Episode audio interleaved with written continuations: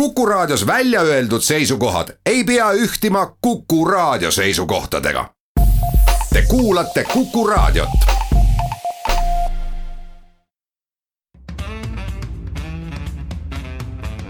muuli ja Riikoja tere päevast, head kuulajad, kell on kuus minutit üksteist läbi ja et on reedene päev, siis hoolimata kevadpühast, hoolimata töörahvapühast, saade Muuli ja Riikoja on ikka eetris. ehk Kalle Muuli on äh, Kuku raadio stuudios ja Hindrek Riikoja on välisstuudios. tere päevast. räägime tänases saates äh, traditsiooniliselt äh, koroonapandeemiaga seonduvast, nii piirangute kaotamisest, statistikast, Tallinna sammudest ja sellest, kas siis koolilapsed tuleb põllule saata või mitte. teiseks vaatame natukene äh, ettevõtete olukorda ka seoses koroonaga, nimelt on siin riik otsustanud mõnele suuremale riigiettevõttele toetust anda.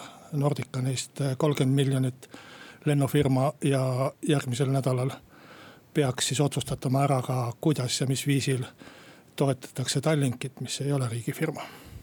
siseminister Mart Helme on äh, ellu viimas äh, EKRE suurt unistust äh, eraldiseisvast piirivalvest, mis tegelikult saab siis küll olema Politsei- ja Piirivalveameti üks osakond. ja kui saate lõpus aega jääb, siis võib-olla vaatame ka Eesti Posti hinnakirja, mis hiljaaegu muutus. muuli ja Riikoja värsked äh, koroonasse haigest, koroonaviirusesse haigestumise numbrid ei ole veel eilse päeva kohta küll tulnud, aga viimase nädala kohta võib öelda, et et jõudsalt äh, liiguvad numbrid allapoole ja seda enam järjest rohkem päevakorda kerkib äh, see, et kuidas me sellest kriisist välja tuleme. kriisi või eriolukorra komisjon või kuidas iganes tema juriidiliselt täpne nimetus on, on sellel nädalal mitmeid otsuseid tehtud. saared tehakse hiljemalt kaheksateistkümnendal mail lukust lahti, kõik saavad liikuda nii saartele kui saartelt mandrile tagasi, noh, seda kõike tingimusel muidugi, et äh, trendid on sellised nii-öelda languses, nagu nad siiamaani on olnud. väljas sportimine on lubatud, välijõusaalid tehakse lahti aga järjest rohkem ja järjest valjuhäälsemalt räägitakse ikkagi sellest, et riigil, riigilt peab tulema konkreetsemad äh, tähtajad, konkreetsemad sõnumid selle kohta, millal avatakse kaubanduskeskused, millal avatakse kauplused, toitlustusasutused ja nii edasi ja nii edasi ja nii edasi. üks asi, mis muidugi meelelahutusvaldkonnale ja vaba aja veetmise valdkonnale väga suure põõna paneb on tõdemus, et esialgu mais ja juunis kindlasti ei toimu suuremaid üritusi. ehk siis ka jaanipäev tuleb oma koduaias sellel aastal veeta ja kõik, kes maal käivad küla jaanitulele minna ei saa. aga väga segane on see, mis saab äh, näiteks erinevatest festivalidest, üritustest juulis ja augustis ja, ja see on küll kindlasti koht, kus valitsus peaks äh, märksa selgemalt äh, ja märksa konkreetsemaid sõnumeid välja andma, sest et noh, kõlab küll hästi, et ootame maikuu lõpuni ja otsustame siis, aga noh, juba praegu peaminister äh, ja eriolukorra juht Jüri Ratas andis sellel nädalal mitu pikka usutust ja noh, ja küsimustele, et, et mis siis ikkagi saab suurüritustest, mis on suurürituse mõõdupuu pean silmas siis rahvaarvu, siis kõik need äh, väljaütlemised olid ikka pehmelt öeldes umbsõnalised. jah, äh, selle viirusega tundub nii olevat, et, et see puhang algas kiiremini, kui oli oodatud ja oli suurem, kui oli oodatud. või kes teda ikka ootis, ootas, aga arvati. ja eks selle viiruse taandumine tundub, äh, on Eestis olnud ka kiirem kui üldiselt vist äh, arvati, et viimaste äh, päevade ja viimaste nädalate numbrid on ju väga head. Äh, võib-olla keegi ei ole tähele pannud ja ma, ma ei ole, ei ole märganud, et kuskil oleks rõhutatud, aga ma ei tea, mis see tänane tulemus on, aga viimase kolme päeva jooksul pole Saaremaal olnud ühtegi nakatunut. null on Saaremaa nakatunute number olnud kolm päeva järjest. et ja, ja samamoodi Eestis, et tegelikult, kui me seda nakatumist vaatame, siis kuskil hooldekodus avastatakse kuusteist äh, nakatunut.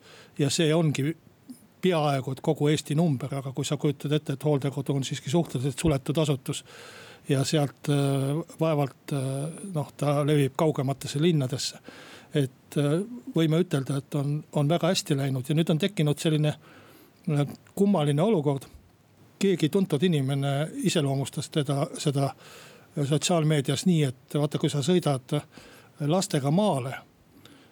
pikk sõit on siis natukene enne kohale jõudmist hakkavad lapsed tagaistmel küsima, et issi, millal me ometi kohale jõuame, kas me oleme juba varsti kohal et äh, eks nende piirangute lõdvendamisega umbes samasugune lugu, et valitsusel on tähtajaline. ei, Kalle, see on muidugi, see on täiesti demagoogiline väide, seda väga paljud poliitikud eriti koalitsioonipoliitikud on arvestanud viimase nädala jooksul seda näidet kasutada.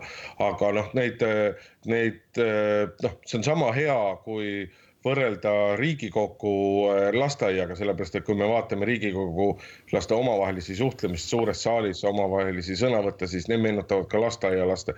aga noh, see võrdlus antud kontekstis ei ole muidugi kohane, et ühed räägivad, et sellel küsim-, nendel küsimustel, millal te piirangud lõpetate, mis on teie ajaplaan, sellel on väga selge majanduslik majanduslik tagapõhi ja majanduslik põhjendus ja, ja hakata nüüd selliste meelevaldsete võrdlustega seda küsimist nagu naeruvääristama on, on pehmelt öeldes kohatu see ei olnud minu võrdlus. ma nii vaimuka võrdluse peale ei oleks tulnud, aga mis riigikogut puudutab, siis kohati ma olen sinuga nõus. et tegelikult on ju küsimus selles, et valitsusel on oma tähtajaline plaan olemas ja igal esmaspäeval vaadatakse, kas seda plaani saab rakendada nii et kas sellest tähtajast saab kinni pidada. et see on tõesti majanduslik küsimus, et kas ütelda ära augusti kohta, et te saate pidada, ma ei tea, tuhandest või, või viie tuhandest või mis iganes inimesest äh, suuremat üritust või mitte. aga kui sa ütled selle kaugele ette ära ja tegelikult pead muutma ära, siis on see täpselt samasugune majanduslik kahju ju. Need inimesed, kes olid planeerinud midagi teha peavad oma planeeritud asjad ära lõpetama, võib-olla nad olid tellinud mingit kaupa, mingit varu, mingeid rendilepinguid sõlminud selle ürituse jaoks. et, et sellepärast ei taheta seda plaani väga pikalt ette kuulutada ja vaadatakse samm-sammult. sel kombel saab ka näha, et mis mõju ühe või teise piirangu kaotamine, ärakaotamine annab. ja sel juhul on teada, et näed, selle piirangu me kaotasime ära, midagi ei juhtunud. selle me piirangu me kaotasime ära, nüüd puhkes äh, või hakkas viirus rohkem levima. ja siis saab tagasi keerata ainult ühe piirangu, ei pea kõiki piiranguid uuesti peale keerama. et see on see samm-sammulise väljumise nagu mõte. Äh, minu meelest nagu lihtne mõte ja, ja peaks olema arusaadav. Äh, ja tegelikult on ju kuulutatud, et seitsmeteistkümnendal mail lõpeb eriolukord ära ja, ja no siis. see on praeguse seisuga, kui midagi peaks muutuma, siis küll seda eriolukorda, eriolukorda pikendatakse, aga vaata siin natukene on probleem see, et sa nagu sa ka ütlesid, et igal esmaspäeval komisjon istub maha ja teeb ülevaateid. Et äh, minu arust tuleks väga tõsiselt kaaluda ikkagi seda, et seda vähemasti sinna nädalasse üks kohtumine veel nagu lisaks panna, et olla nii-öelda operatiivsemalt, käia ajaga kaasas, et käia kiiremini ajaga kaasas. aga siin on tänasel hetkel on nagu väga selgelt näha, et mitte ainult nii-öelda väsinud ei ole ühiskond sellest koroonakriisist, vaid väsinud on ka samamoodi valitsus väsinud on poliitikud ja, ja neile ei saa seda pähe, pahaks panna, sellepärast et noh, nende puhul ei ole see väsimus ainult mitte nii-öelda tüdimus, vaid ka töökoormus on tõepoolest väga suur olnud. Ja sellega selles mõttes haakub haakub ka Postimehega, ma ei eksi, eilne või oli see üleeilne juhtkiri, kus kus nii-öelda sõnastuses mitte kõige õnnestunumas vormis nii-öelda öeldi justkui, et äh, Jüri Ratas peaks eriolukorra äh, juhi kohalt eh, tagasi astuma ja selle kellelegi teisele üles on, üle andma. et see juhtkiri oli selles mõttes nagu sandisti sõnastatud, et ei, ei olnud aru saada Postimehe seisukoht, et kas, kas asi on selles, et Jüri Ratas ei ole hakkama saanud või asi on selles, et kõike seda on, on peaministril liiga palju, aga kui me sellele viimasele mõtleme, siis tegelikult on see mõte nagu täiesti õige, et eriolukorra juhina pead sa tõepoolest tegema nagu, tegelema ka täiesti pisiasjadega peaminister on küll nii-öelda riigi hierarhias kolmas inimene, aga praktikas on ta ikkagi noh, vaieldamatult ta on kõige suurema töökoormusega äh, riigiametnik ja ja, ja, ja tänasel hetkel peaks sellele oleks selles mõttes mõistlik see eriolukorra juhi roll kellelegi teisele anda, et lihtsalt on see Jüri Ratas, Andrus Ansip äh, ma ei tea, Taavi Rõivas, Kaja Kallas, Jevgeni Ossinovski või keegi viies, kuues, seitsmes, see on lihtsalt ühele inimesele kõike liiga palju. Ja kui asju tuleb liiga palju, siis asju hakatakse tegema pealiskaudselt, kõigesse ei jõua süveneda, et selles mõttes tänasel hetkel on kahtlemata tõesti olukord, kus selleks eriolukorra juhiks võiks saada kas mõni minister või siis mõni kõrgem riigiametnik. ma olen sinuga täitsa päri, et ideaalis võikski need olla lahutatud et ka, ka mingite teiste kriiside puhul võiks olla need kohad lahutatud, et see, et peaminister peab nagu topeltkoormusega töötama, ei ole kindlasti hea. ja noh, see kriis oli nii suur ja nii ülemaailmne ja nii noh, ütleme ka selles mõttes enneolematu, et midagi sellist tõesti ei ole võib-olla, et mitte ainult sel sajandil, vaid väga kaua nähtud Äh, aga äh, mis selle nagu äh, koha ütleme siis väljavahetamise või, või tagasiastumise nagu nõrk külg on see, et tegelikult meil seda eriolukorda ei olegi enam jäänud, on jäänud kaks nädalat. seitsmeteistkümnenda maini, kui nüüd tõesti midagi ei muutu. ja, ja panna kaheks nädalaks uus juht asjale, millega ta ei ole kursis. et ma ei näe sellel väga enam mõtet, oleks meil eriolukorra lõpuni kaks kuud siis oleks kindlasti mõistlik, et, et nüüd, kus see olukord on äh, vaibunud, see kriis on taandumas võtaks keegi selle üle ja peaminister saaks tegeleda rohkem riigi strateegilise juhtimisega, et. et iseenesest õige mõte, aga nii vähe on jäänud aega eriolukorra lõpuni, et ma väga mõistlikuks seda vahetamist enam ei pea. muuli ja Riikoja Läheme oma saatega edasi, tehnilised probleemid ei taha meid äh, mitte maha jätta, see ikka juhtub nii, kui see, kui keegi on eemal, aga kui piirangutest rääkida, siis, äh, siis Tallinn on otsustanud äh, veel nii-öelda täiendavalt noh, võib vist nii öelda, et täiendavaid piiranguid kehtestada, et kui räägitakse, et avalikud jõusaalid vabas õhus näiteks peaksid lahti olema ja neid tuleb korra kahekümne nelja tunni jooksul desinfitseerida ja puhastada siis Tallinn on otsustanud äh, jätta jõusaalid ikkagi suletuks, on Tallinn teatanud ka, et sügiseni linna korraldatavaid suurüritusi ta ei tee, vanalinnapäevad, erinevate linnaosade päevad ja nii edasi. mingis kohas tahaks küll öelda, et, äh, et kuidas siis nüüd nii, et kas tõesti, kui on võimalus äh, võime näidata ja võimu kasutada, siis seda kasutatakse, aga teised, pani selles osas natukene võib, tihtipeale paneb selles osas natukene ümber mõtlema see, kui ma jutun näiteks Lasnamäes poes käima ja siis seal on küll väga selgelt näha see, et et muukeelne elanikkond äh, suhtub sellesse probleemi, suhtub sellesse kaks pluss kaks nõudesse ja kõigesse hoopis nagu teist, teistmoodi ja hoopis nagu leebemalt, et, et sellistel hetkedel jälle nagu mõningane mõistmine, mõistmine mind tabab, aga siis ma mõtlen jälle sellele, et meil on olemas ju oma munitsipaalpolitsei ja veel hulk linnateenistujad, kes võiksid tegelikult käia neid desinfitseerimas neid, kui et noh, et tööjõupuuduse selle taha siin küll pugeda ei tohiks.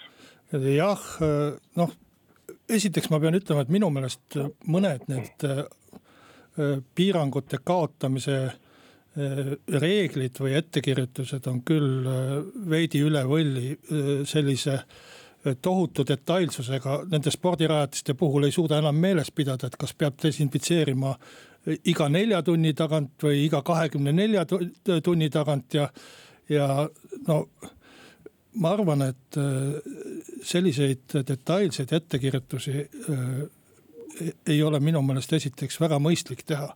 Et lähme nende järgimisega hulluks, et rohkem peaks äh, usaldama siiski seda, et äh, ja, ja, ja inimestele panema soovituslikus korras südamele, et äh, teie tervis on teie enda asi.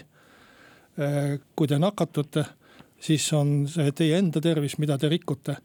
Ja, ja nii edasi ja nii edasi, et veidi sellist äh, Äh, rootsilikumat terve mõistuse suhtumist äh, võiks küll harrastada. Ja, ja nende spordiväljakute äh, asjus mille sulgemise oleks võinud üldse ära jätta, väli, väliväljakute asjus. kus oleks võimalik ju olnud inimestel terve mõistusega nii või teisiti seda vahemaad hoida.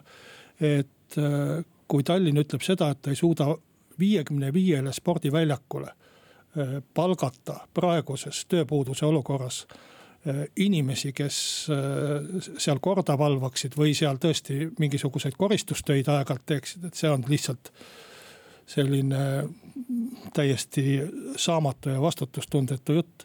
aga, aga teisest küljest ma ütlen, et need reeglid võiksid olla ka palju lõdvemad, sest kui sa vaatad seda Tallinna nakatunute arvu. see on üks nakatunu kolme tuhande inimese kohta ja kui reegleid järgida, siis ka see üks nakatunu peaks istuma kodus karantiinis, mitte siiberdama mööda spordiväljakuid ringi. nii et võib-olla tundub, mulle igatahes tundub, et natukene on natukene on üle pingutatud, aga samas, kui, kui rääkida, et, et küll on ranged reeglid ja küll on ranged reeglid, siis tegelikult ega ega väga palju neid reegleid ka inimesed ise kujutavad ette, et nad on ranged, et kunagi ei ole meil kinni pandud ju poode, kunagi ei ole pandud kinni teenindusasutusi. ainukesed, mis on kinni, on kaubanduskeskused osaliselt kinni. ja see võib-olla on ka üle pingutatud äh, abinõu, nii et äh, tegelikult äh, ma arvan, et ka Tallinna linnavõim peaks vaatama elu ikka selle pilguga, et kuidas rohkem lahti teha ja kuidas äh, saaks neid äh, asju korraldada, mitte seda, et kuidas saaks mitte korraldada inimeste elu. aga noh, siin natuke tundub see, mida, mida palju juba ka on öeldud, et on ilmselgelt näha, et et see eriolukord ja võimalus kehtestada erinevaid piiranguid nii-öelda rohkem oma äranägemise ja vähem teistega arvestamise mõttes, et see on paljudele poliitikutele natukene äh, natukene meeldima hakanud. koolide saatus on ka pehmelt öeldes lahtine, ega keegi ei ole sisustanud veel seda mõtet või seda ütlust, et mida siis tähendab seda, et justkui kaheksateistkümnendast maist peaks, peaks koolid mingis vormis nagu tööle hakkama. küll aga on meil maaeluminister Arvo Aller ära, ära otsustanud selle, millega lapsed sügisel tegema peaksid hakkama ja maaeluministrilt oli siis ettepanek, et äh, lapsed tuleks äh, saata kohustuslikus korras äh, põllule kartulast korjama. nojah, ma olen vahest mõelnud, et kui selline uudis tekitatakse või tekib, ükskõik kuidas me seda siis nimetame. selline ministri uitmõtte uudis, mida ilmselt ajakirjandus peaks edastama, aga sinna peaks juurde, juurde suurelt kirjutama esimesele korrale juba. et see on nüüd meelelahutuslik uudis, seda kindlasti ei juhtu, seda kindlasti ei tule, aga äh, uudis on sedavõrd äh, noh, kõneainet pakkuv, et me ikkagi äh, selle edastame ja selle üle siis arutame.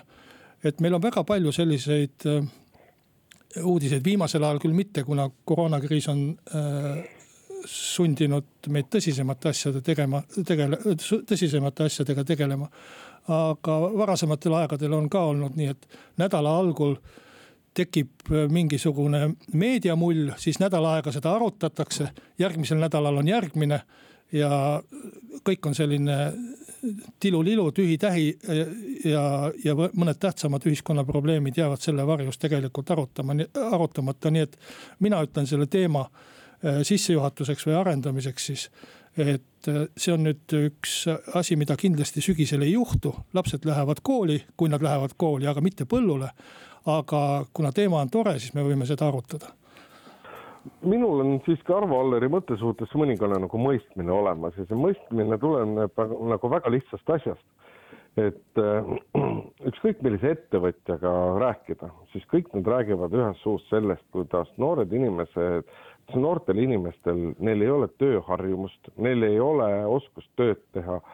et äh, töö on nende jaoks nagu täiesti võõras asi, ometigi nad valdav osa oma elust peaksid sellega tegelema ja selles mõttes töökasutuse mõttes ei oleks see tegelikult nagu halb mõte. näidata ühest küljest, kuidas, äh, kust toit siis tegelikult tuleb ja teisest küljest tekitada seda harjumust, aga noh, praktikas seda muidugi kohustuslikuks teha ei saa no selle noorte tööharjumusega on ka nii ja naa, et kuidas kellelgi on ilmselt isiklik kokkupuude ja kogemus. minu noorem tütar käib, käib lõpuklassis, on abiturient ja nende klassis on väga palju noori, kes käivad isegi kooli kõrvalt tööl tõsi küll, linnas, mitte kartulipõllul teevad kas nädalavahetusel mõne töötunni või, või käivad peale kooli isegi. ja see on väga popp kuskil kohvikus ettekandja olla, kuskil smuutibaaris mõni smuuti müüa Äh, ma tean, üks tema klassiõde töötab isegi kingapoes. Äh, ja see on nende vaba valik ja, ja enda soov ja tahe, et vanemad lubavad seda sel tingimusel, kui õppimine on hästi korras. ja nad teenivad endale taskuraha ja minu meelest on see, äh, ma igatahes imetlen neid noori kindlasti ma ei ütle, et neil puudub tööharjumus, võib-olla mõnes teises koolis, mõnes teises seltskonnas on hoopis teistmoodi. aga kui ma vaatan ka seda põllumajanduse poolt, siis Tallinnas on olemas ju terve õpilasmalev, kus viiendal mail, võin reklaamida, algab äh, äh, maale minevate rühmade komplekteerimine ja paljud neist lähevad ka põllutööle. no tõsi, seda põllutööd ei ole palju, seal kaks nädalat kuskil maasikapõllul on kavandatud ja mine tea, kas sel suvel seda üldse tuleb. Aga, aga põhimõtteliselt selline võimalus on olemas, kui keegi tahab oma last maale tööle panna ja ma arvan, et see on väga hea mõte, maale tööle minna. ja põllule tööle minna, ma olen ise põllutööd teinud äh, nii lapsena kui noore mehena vaata et oma kümmekond aastat ja, ja, ja soovitan igati. aga kindlasti ei, ei ole mõistlik mõte lapsi kooliajast saata põllule ja see ei ole ka võimalik. Ja, ja see ei tule ka kõne alla.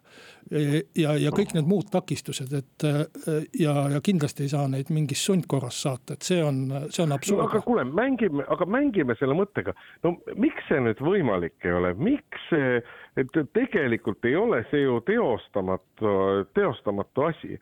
et muidugi jah, nii-öelda logistika, kõik see, et, et see on, aga noh, et tegemist ei ole nagu ilmvõimatu, ilmvõimatu asjaga ei, ilmvõimatuga ei ole, seda näitas juba nõukogude kord, isegi Brežnev sai sellega hakkama, miks siis, miks siis Eesti Vabariik ei saa, küllap saab, aga, aga. no käisid sinagi ju tõenäoliselt, eks ole, iga sügise hakul kartulipõllul äh, või, või porgandipõllul või kapsaid koristamas ja nii edasi.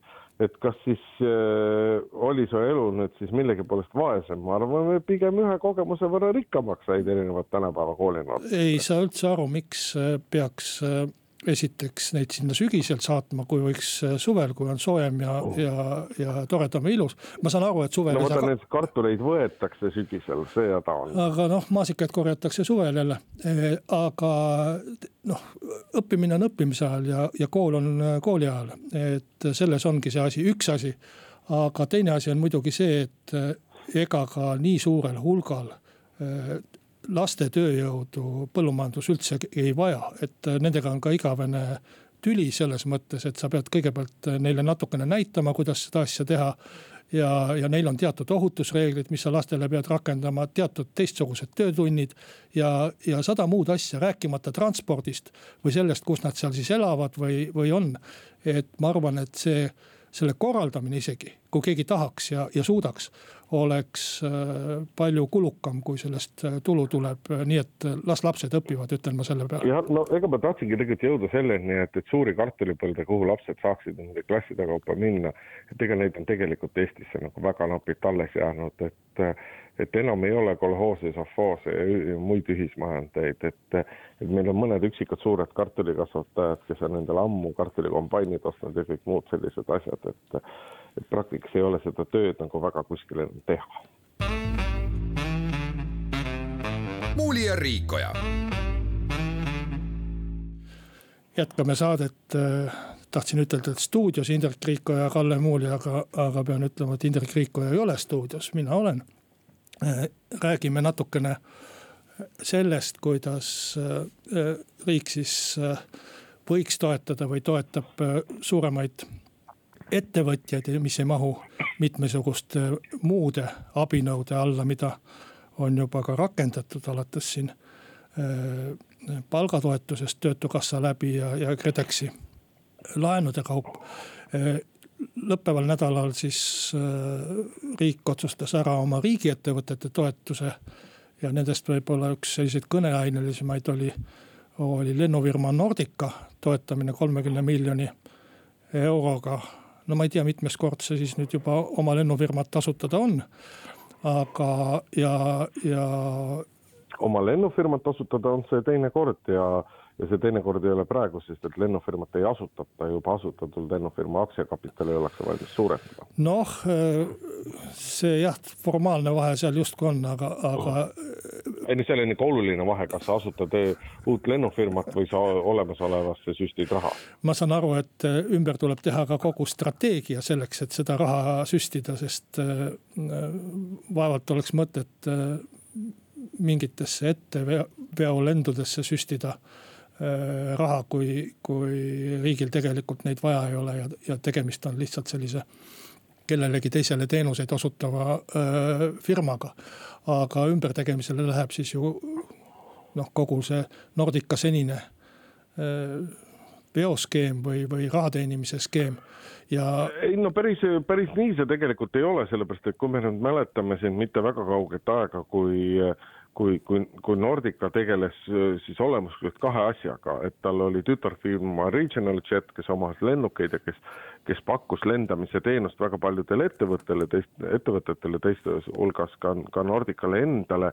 ja Nordical olid ka endal äh, ports liinilende, siis mingil hetkel loobuti liinilendudest valdavas osas, jäeti ainult mõned üksikud liinid, äh, liinid ära ja juba siis räägiti et Nordica peab, peab äh, säilitama valmisoleku vajadusel hakata ise opereerima liinilende ja seda just juhul, kui põhjusel või teisel teised lennufirmad ei tule Eestisse.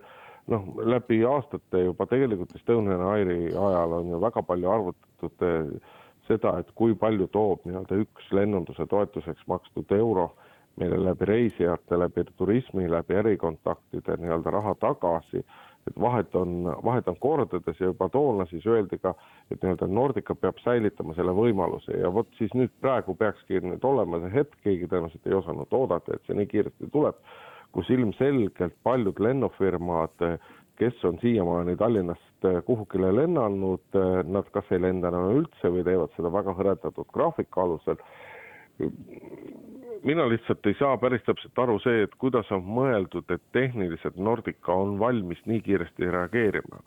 inimesed leiab, nii-öelda lende teenindava personali leiab, lennukid leiab, aga kuidas saab ruttu näituseks sõlmida lepinguid erinevate lennujaamadega, et saada sinna endale oma lendamise ajadeks slotid kuna kõik suuremad rahvusvahelised lennufirmad nii-öelda tegutsevad või on siiamaani tegutsenud oma nii-öelda võimete suht-koht piiril, ehk sinna saada uut maandumisaega, uut õhkutõusuaega on nagu väga keeruline In,. Indrek, ma küsiks on..., Indrek, ma küsiksin sinu käest, et mida sa selle kiiresti all silmas mõtled, pead, et mina nagu ei suuda küll ette kujutada, kui kiiresti meil siit vaja lendama on hakata, sellepärast et piirid on kinni kui sa kuskile lendad, siis pannakse sind neljateistkümneks päevaks karantiini ja ma ei kujuta ette, et kes sellistel tingimustel ja kuhu lennata tahab ühe lennuliini alustamine, eh, kui seda suudetakse teha kolmveerand aasta või aastaga, eh, on, on, on, on, on ülikiirelt alustatud. tihtipeale läheb see aasta, poolteist, kaks. ma pean selle kiire all tegelikult silmas isegi paari kuud. et me ei kujuta ette, me ei kujuta ju ette, me ei kujuta ju ette, millal üldse lennuliiklus äh, lahti läheb. noh, sellises mõttes, et inimesed hakkavad reisima. et äh, me, me kujutame ette siin väga hästi, millal no,, millal meil viirus ära kaob aga, no lennuliiklus ei ole ka praegu päris su surnud, et Tallinnast Lufthansa lendab ja Minskisse lennatakse ka. et lend on küll vähe, aga päris surnud see reisijate vedu ei ole, aga no ütleme niimoodi, et millal ta, millal ta algab, et siin on ju erinevad lennufirmad on teatanud juba, et kes alustab lendamist uuesti mai keskpaigast, kes mai lõpus. ka meie nii-öelda lähinaabrite Air Baltic, kes on ikkagi ka Eesti lennundusturul väga oluline tegija, aga nemad on teatanud, et nad mais, mais uuesti alustavad oma lendu, lendamist. küsimus on siis selles nii-öelda graafikute tiheduses ja kõiges selles, aga see lendamine hakkab pihta ja Eesti riigi noh, miks Eesti riik peab Nordicasse raha, peaks Nordicasse raha panema ja miks ta peaks seda toetama, on, selle ainus mõte ongi ju see, et võimalikult, võimalikult tihti pakkuda või võimalikult kiiresti pakkuda inimestele võimalus siia jõuda ka lennukitega. ja kui see võimalus on olemas, siis sellele kindlasti järgneb ka mõningane nõudlus et ega see ongi ju selline nii-öelda majanduse ergutamine, üldise majanduse ergutamise meede, eks ole, mida tehakse siis läbi rahaeraldise ühele ettevõttele.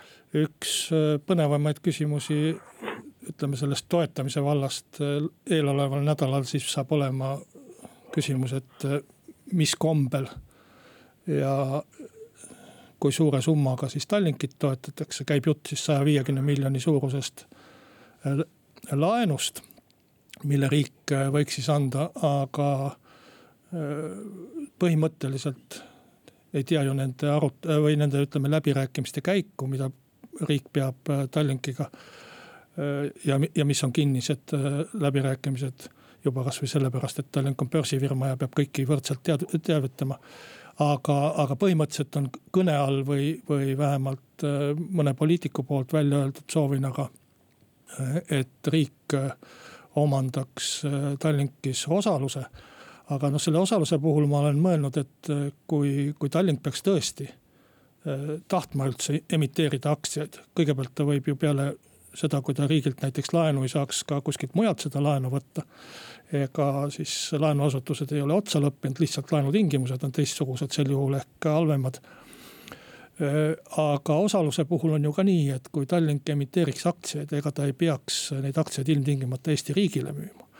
et minu meelest on täiesti vähemalt mõtiskluse tasemel võimalik arutleda ka selle üle, et mis juhtub siis, kui näiteks hiinlased või soomlased selle osaluse ostavad ja, ja, ja, ja Tallinkisse sisse tulevad, et Eesti riik peaks kindlasti sellise võimalusega arutama, et ta ei ole, ta ei ole nagu ainus selline peigmees või otsustaja selles pulmas, mis, mis no, Tallinki ümber käib no ega olemuslikult ju ka see aktsiate ostmine, mis kõigi eelduse kohaselt siiski, kui seda teed minna, see on nii-öelda, see on tähtajaline aktsiate ostmine, ehk siis selle mõte on see, et ettevõte ettevõte äh, emiteerib juurde mingisuguse koguse aktsiaid, ükski senine aktsionär oma aktsiaid ära ei, ei müü, aga kõigi nende nii-öelda osalus ettevõttes äh, väheneb siis mingisuguses proport-, proportsioonis, aga tegemist oleks tähtajaliste aktsiatega ehk ettevõte võtab ka endale kohustuse mingi aja pärast osta, osta need aktsiad äh, endale tagasi ja, ja ega, ega sedagi saab võrrelda laenu, tegelikult laenutehinguga. küsimus on nüüd selles, et, äh, et kui antakse laenu, siis mis intressiga seda antakse, kui emiteeritakse aktsiaid ja riik ostab aktsiaid, siis mis tingimustel oste, ostetakse, mis perioodiks ostetakse ja kas kuidagi on fikseeritud ka see, mis hinnaga neid aktsiaid peab ettevõte tulevikus tagasi ostma, et kas see saab olema nii-öelda turuting, parasjagu kehtiv börsihind või mingi teine, kolmas või, või nelja, neljas hind, et kõik taandub lõpuks ikkagi selline, sellele, et milliseks muutub äh, raha hind ja teiselt pool, et see, et kui kiiresti riik saab appi tulla. Laenu on, laenu andmise protsess on mõnevõrra äh, kiirem, selle jaoks, et täiendavaid aktsiaid emiteerida, selle jaoks peavad kõik aktsionärid kokku tulema, selle jaoks on börsireglement ja mis kõik veel. ehk see võtab tervikuna nagu kõik, äh, kõik rohkem aega, aga praktikas ei ole nagu väga palju muud vahet, kui et tõenäoliselt nii-öelda aktsia ostu läbi on riigil võimalik antava raha pealt rohkem teenida. jah, see kõik jutt, mis sa räägid, on põhimõtteliselt õige. aga üldse me nende raha arutelude juures unustame ära selle, et raha justkui ei ole enam raha, me räägime kogu aeg rahast nii, nagu see oleks veel päris raha, aga kui sa vaatad seda, mis Euroopas ja euro, euroga toimub, siis tegelikult ju raha trükitakse null või miinusintressiga juurde, et see on, see on lihtsalt üks number. seda, selle kohta ei saa isegi ütelda, et see on paber, sest, sest isegi paberit ei trükita, vaid lihtsalt mingid numbrid teki-, tekivad ja sellepärast. aga see on, aga see on, Kalle, kogu aeg niimoodi olnud tegelikult, pärast ei, seda, kui on loobutud kullad, kullastandardist, eks ole, pärast seda, kui nii-öelda sellist... ringluses olev raha ei ole mingi vääringuga tav, tagatud, on see on see kogu aeg olnud lihtsalt tegelikult üks, üks piltlikult öeldes virtuaalne number, millel on kokku lepitud mingisugune väärtus. ütleme niiviisi, et euroga ei olnud seda kuni eelmise majanduskriisini, et euro hoidis ranget kurssi ja aga praeguse kriisi selline eripära on tõesti see, et riigil on võimalik tuua Eestisse äh, tasuta raha praktiliselt, jagada oma majanduse toetamiseks äh, sisuliselt mitte midagi maksvat raha ja, ja selles, selles vaates võiks ka äh, riik tegutseda, et, et kui siin antakse Nordicale kolmkümmend miljonit. ma pean seda väga õigeks ja, aga samamoodi võiks tõesti ka eraettevõtteid toetada äh,. Täpselt samuti läbi selle äh, riigi abi, kuna see on nii odav, äh, ei maksa sisuliselt midagi. et meil ei ole mõtet äh, tekitada olukorda, kus meie eraettevõtted peavad laenama kuskilt äh, mingitest välispaistest pankadest äh, kallimalt seda raha, mida võiks riik äh, tuua enda kaudu sisse palju odavamalt, et, et ka raha ise on muutunud teistsuguseks, mida me välja anname, et. alati me oleme mõelnud, et see on väga kallis intressiga, tuleb tagasi ilmtingimata teenida ja, ja ja nii edasi, et tegelikult see, ma ei oskagi ütelda, mis asi see on, mida siin praegu jagatakse, et see on üks raha moodi asi. muuli ja Riikoja Läheme saatega edasi, Kalle Muuli jätkuvalt stuudios, Indrek Riikoja pisut eemal. Mart Helme, siseminister, Eesti Konservatiivse Rahvaerakonna esimees, raporteeris siis sellel nädalal, et iseseisev piirivalve saab lõpuks ometi loodud. uue juhi nime saab välja hõigata Politsei- ja Piirivalveameti juht Elmar Vaher. et see inimene tuleb äh, ametist seest. ma ei saagi päris täpselt aru, aga võib-olla sellest ei peagi aru saama ja ei olegi võimalik aru saada, miks räägib EKRE järjekindlalt eraldi piirivalve, iseseisva piirivalve loomisest, kui, kui sisuliselt ikkagi me räägime nii-öelda ühest politsei piirivalveameti struktuuriüksusest, millele tõsi tekib juurde siis kõrgem juht, kes on peadirektori asetäitja saan ma ju, Kalle, õigesti aru? no selle küsimusega pead kindlasti EKRE poole pöörduma, miks nad sellest nii räägivad, aga eks see olegi nimetamise küsimus. põhimõtteliselt on ju koalitsioonilepingus juba eelmisest kevadest saadik, millest ja valitsuse ametisse astumisest möödus meil just äsja aasta, et ta on aasta otsa seal natuke rohkemgi olnud. ma seda lause sõnastust päris täpselt peast ei mäleta, et, et see iseseisev piirivalve nii-öelda moodustatakse. ja tegelikult see moodustamine seisneb siis tõesti eks neid põhikirja muudatusi näeb, millised need siis valitsusele esitatakse.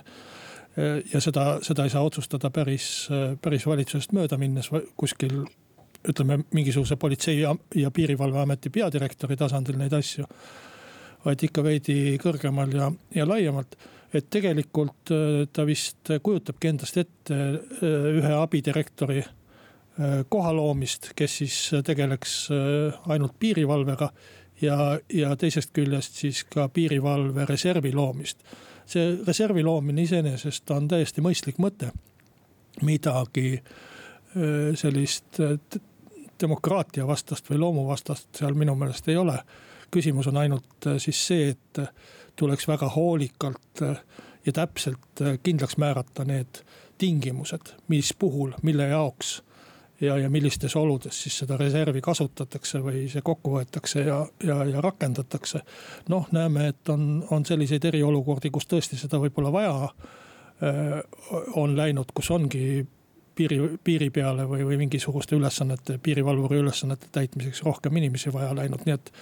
ma arvan, et laias laastus on see täiesti mõistlik ettevõtmine, küsimus on, et äh, kuidas seda nimetada, kas me nimetame seda iseseisvaks piirivalveks või, või piirivalve abi, abidirektori ametikoha loomiseks.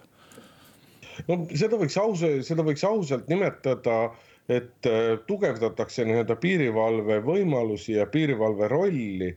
sellepärast et noh, äh, eks ta tõsi meil on, et, et viimasel ajal nii-öelda sisuline piiri valvamine on käinud ainult äh, Eesti idapiiril.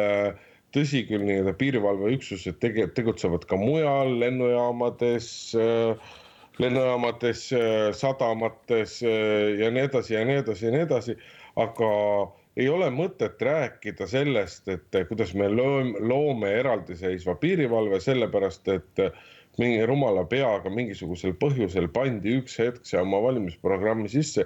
et minule see meenutab natukene seda, kuidas alati ennem riigikogu valimisi erakonnad võistlevad, võistlevad selles, et kel, et kes paneb, et kes paneb rohkem nimekirja välja, nimekirju välja veel või veel rohkem ennem kohalike omavalitsuste valimisi.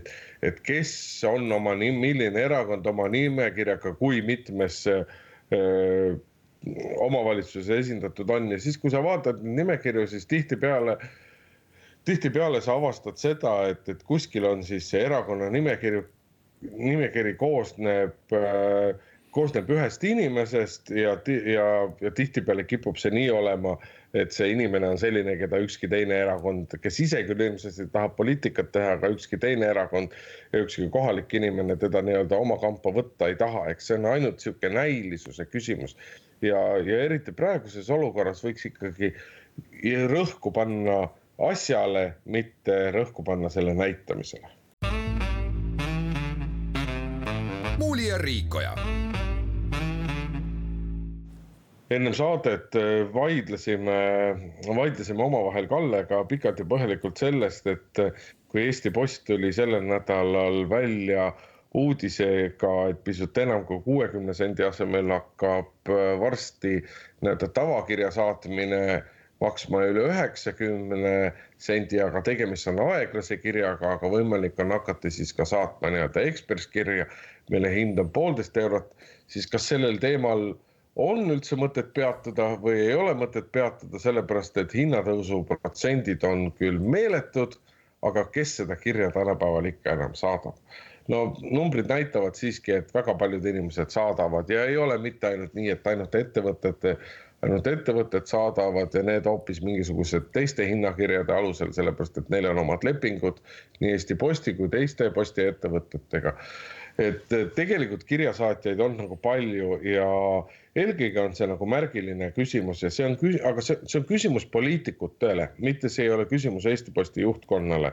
et Eesti Posti juhtidest ma saan väga hästi aru, kui nad ütlevad, et nemad ei tule praegusel hetkel oma teenuste hindadega toime, sellepärast et eh, kirja, lehekandjate, kirjakandjate palgad peavad tõusma ja nii edasi ja nii edasi ja nii edasi et tegemist on riigiettevõttega ja see ongi riigile strateegiline nagu küsimus, et eh, mida sa sellest ettevõttest tahad saada, kas sa tahad, et ta teeniks kasumit või sa tahad, et ta pakuks mingisugust olulist teenet, eh, teenust? Ja noh, Eesti Post peaks kõigi eeskujude kohaselt olema see ettevõte, kelle esimene ülesanne on mingisuguseid teenuseid pakkuda. on siis siis kirjade kohale toimetamine, on siis siis perioodika kohale toimetamine. Ja lasta nüüd poliitikute poolt läbi praegusel ajal otsust teha selline ülisuur hinnatõus on pehmelt öeldes pentsik. noh, ega äh, riigiettevõtte hindu ju ei otsusta poliitikud, et võib-olla muidu nad pak pakuksid null euroga seda teenust, aga. ei, ei, see ei ole, Kalle, see ei ole kindlasti niimoodi, et riigiettevõtte hinnatõusu kiidab heaks tema nõukogu, mis koosneb valdavalt kas poliitikutest või siis poliitikutega väga tihedalt seotud äh, inimestest. tõsi, ka Eesti Posti nõukogus on ka mõned eksperdid, aga jäme ots on seal ikkagi väga selgelt poliitiline, moel või teisel poliitilise taustaga inimestega no,. ehk just, äh, just, just, väga selgelt poliitilised. just moodustati nimetamiskomitee, mis nimetab riigiettevõtete nõukogudesse inimesi, kes ei ole poliitikud või vähemalt aktiivsed parteipoliitikud ehk e-, ega siis jah, mõnel inimesel ei ole keelatud erakonda kuulumine, aga. Äh, jah, aga lõpuks on ka veel üldkoosolek, kes riigiettevõtte, riigiettevõtte puhul on selle haldusala minister. aga usu, usu mind, Indrek, et Nordica lennupileti hinda ei määra poliitikud ja äh, ka Eesti Energia mingeid hindu ei, ei määra poliitikud, nad lihtsalt ei jõua sellega tegeleda, et seal on ikkagi omad juhatused ja omad nõukogud et, et jätaks selle poliitika siit kõrvale. poliitika on oluline siin küll ühes, ühes asjas, et äh, meil on jäänud mingisugustest äh, elektroonikaeelsetest aegadest on jäänud äh, postiteenus selliseks riiklikuks ja mingisuguseks strateegiliseks asjaks, et see peaks justkui olema riigi käes. et selle asja võiks küll läbi mõelda, võib-olla ta peab nii olema, ma ei ütle, et, et ta mingil juhul ei peaks nii olema. aga uutes oludes võiks tegelikult mõelda, et kas see üldse peab olema kuidagi riiklikult tagatud teenus või võiks jätta selle ka kommertsstruktuuride otsustada. tegelikult ju ikkagi inimesed omavahel saavad Eestis praegu noh, peaaegu kõik asjad ära otsustada ka elektroonilisel viisil. ma mõtlesin, et millal minul on vaja olnud puhtfüüsiliselt minna kuskile postkontorisse kirja saatma või, või, või üldse paberil ja ümbrikus saadetist saata. et need on olnud väga vähesed juhud ja need on olnud juhtumid, kus mul on vaja, vaja olnud välismaale mingit asja saata. et seal ei tunta digiallkirja.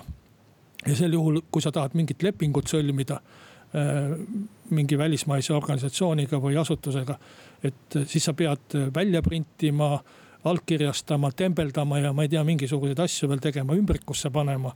ja siis füüsiliselt äh, ümbrikuga saata, noh saab ka kullerteenusega, ei pea Eesti Posti kasutama.